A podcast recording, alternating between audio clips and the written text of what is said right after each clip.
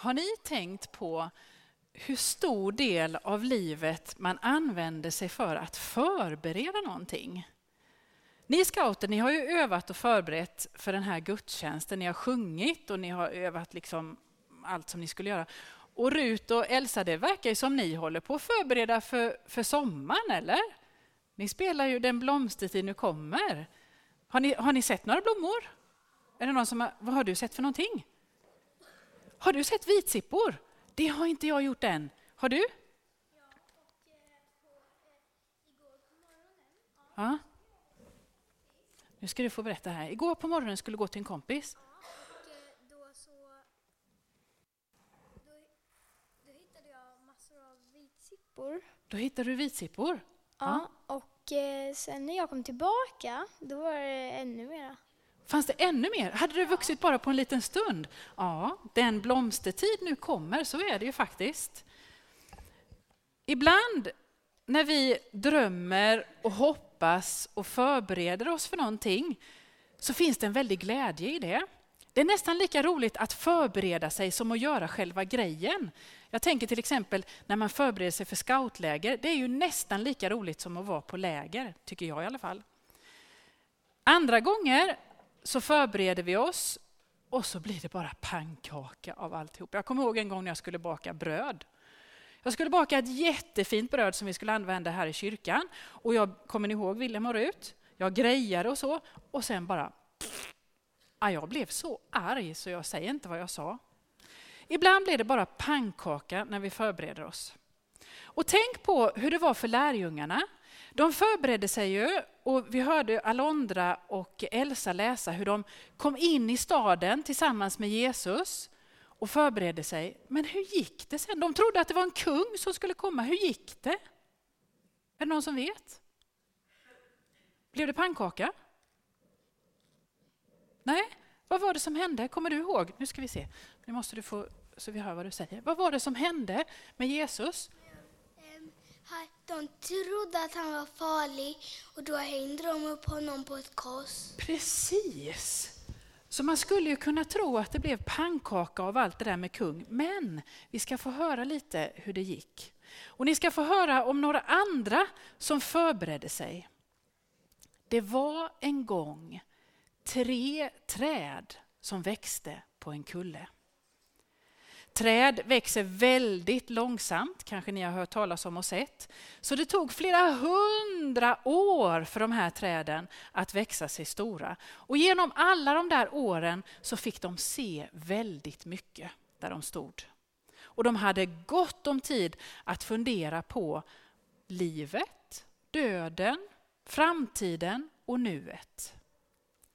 Och en vacker dag så bestämde de sig för att de skulle tala lite grann om framtiden. Efter allt jag har sett, sa det första trädet, så skulle jag vilja bli förvandlad till en skattkista. En skattkista full med guld och ädelstenar. Den vackraste skattkistan i världen skulle jag vilja bli. Och med den finaste skatten inuti naturligtvis. Ja, sa det andra trädet, jag skulle vilja bli ett stort och mäktigt skepp, ett segelfartyg. Jag vill bära mäktiga kungar över havet. Det ståtligaste skeppet i världen, det vill jag bli. Ja, jag för min del, sa det tredje trädet, jag skulle gärna kunna tänka mig att stå kvar här på kullen och växa mig så hög och så stor så att när folk tittar på mig så ska de tänka på Gud och hur god Gud är. Sen gick det någon tid och en dag dök det upp timmerhuggare med yxor på axeln. Träden fälldes och fördes bort. Vart och ett av träden hade sin egen dröm och sitt önskemål. Men verkligheten frågar inte alltid efter våra drömmar. Det första trädet användes för att bygga ett stall.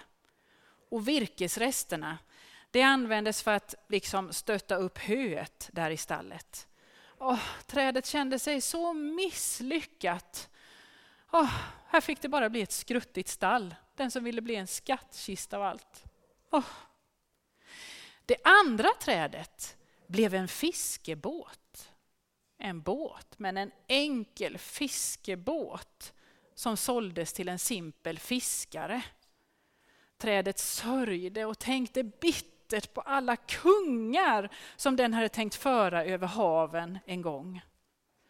Nu skulle det bara bli fisk och fiskare.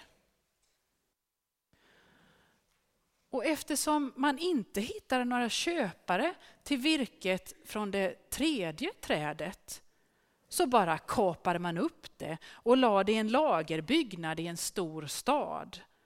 Och där låg det tredje trädet och tänkte, allt jag önskade det var ju att få peka på Gud och här ligger jag i en vedtrave. Oh. Det gick en tid och en stjärnklar natt så kom det ett par, en man och en kvinna, som inte hittade någonstans att bo. De kom till det lilla stallet som hade byggts med virket från det första trädet. Paret beslöt sig för att sova i stallet. Kvinnan hon jämrade sig för hon skulle just föda ett litet barn. Och hon födde sin son där i stallet och la honom mellan höet och brädorna som stöttade upp höet. Vad var detta för något? Är någon som vet? Vad tänker du på Alondra? Det var Jesus. Var det Jesus? Okej, då får vi se vad som händer med det andra trädet nu då.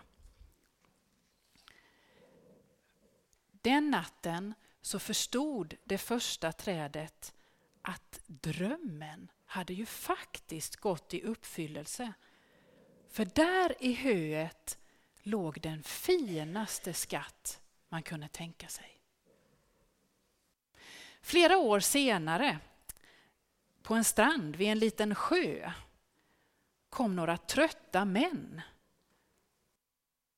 Och så gick de i båten som låg där och guppade i kanten. En av männen föll i sömn och de andra fick slita i stormen som blåste upp. Det blåste så det lilla trädet som var brädor till båten trodde att nu, nu går vi under, jag sjunker, det är för många i båten, jag är bara en liten båt, jag kan inte bära så här många. Och just när trädet visste att nu sjunker jag, då vaknade mannen som hade sovit i båten, ställde sig upp och sa till stormen Tyst! Var stilla! Och med ens blev det helt stilla på sjön. Känner ni igen den? Det är också Jesus. Vad gjorde han? När han stillade stormen. När han stillade stormen. Det andra trädet förstod att i det ögonblicket mannen som var i båten var nog himmelens och jordens kung eftersom både storm och sjö lydde hans ord. Några månader senare så tog man hastigt två virkesbitar från det tredje trädet som låg där i brädhögen. Man spikade ihop ett kors och så ställde man korset i ett hörn. Och så efter några timmar så kom det några och förde dit en man som var svårt sargad. Och så spikade man fast mannen på korset. Trädet förfärades och klagade över det grymma som det skulle användas till. Och speciellt när det såg hur mannen led. Trädet fick vara med och var nära, nära när det såg hur mannen dog på korset. Och det vet ni vem det var va? Jesus. Precis. Innan tre dagar hade förflutit så förstod emellertid det tredje trädet sitt öde.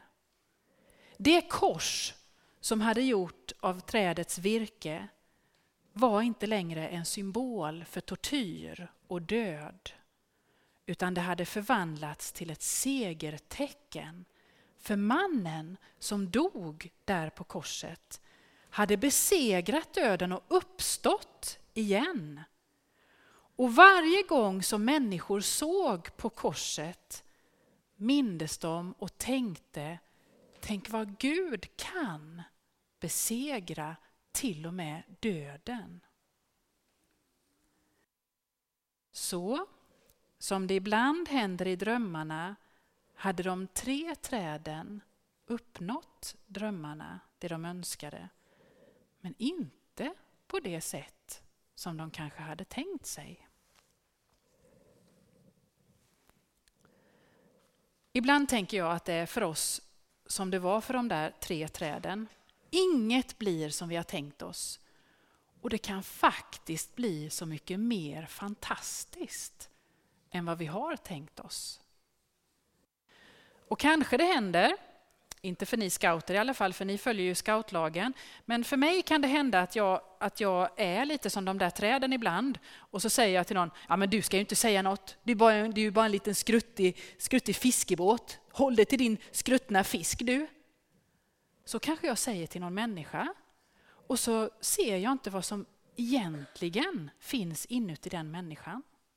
Eller så säger jag, ja, men lyssna inte på henne. Hon, hon kan bara hålla ihop lite hö. Det är ingen idé, det är ingen idé vi lyssnar på henne. Eller hur? Eller så kanske jag säger om mig själv, nej men, nej men jag kan inte, jag, jag, jag är bara en grov tillyxad bjälke. Ta de där snidade fina stavarna istället, de är mycket duktiga. Jag, nej, jag kan inte. Och så missar vi hur fantastiskt viktiga och fina vi egentligen, vi verkligen är. Bara för att vi har jämfört oss med de andra. Om ni tar er hand och så håller ni fram den så ni kan se den, Sofie, man kanske får hålla upp den. Nu får vi nog tända lampan igen så vi kan se händerna där.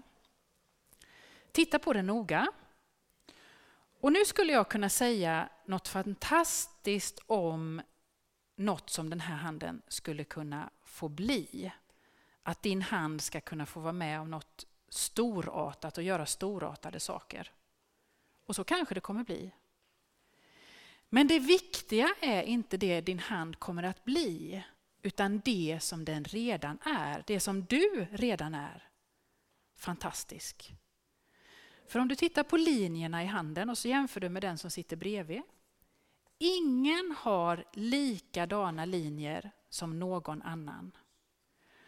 Och ingen har hållit det i din hand som du har hållit. Ingen annan människa har hållit precis det som du har hållit i din hand. Din hand är helt unik och det finns ingen annan hand som din hand. Din hand speglar dig och det är fantastiskt. Kanske tycker du att du är enkel och, och bara vanlig sådär. Men kom ihåg de tre träden då. De hade drömmar och de trodde att de inte fick drömmarna, men de fick vara med om någonting fantastiskt. Och Gud valde dem att vara med och göra någonting fantastiskt. Och så kan du komma ihåg åsnan. Åsnan ni vet som, som Jesus fick rida på in i staden. Gud ville använda åsnan. Och då brukar jag tänka, du ska strax få säga vad du vill, då brukar jag tänka så här att om, om Gud kan använda en åsna, ja då kanske han kan använda mig också till något viktigt ibland. Du och jag, vi är utvalda och älskade, inte för vad vi kan bli, utan för det som vi redan är. Hos Gud får vi vara Gud lyssnar och Gud har tid för oss. Och Gud kan använda oss just som vi är. Nu ska vi se vad du ville säga. Vad tänkte du på? Ehm, det sista trädet kanske blir eh, en dödsbjälke. Det blev ju det när Jesus dog på det. Men så blev det ju samtidigt en påminnelse om att Jesus kunde besegra döden. Eller hur? Mm.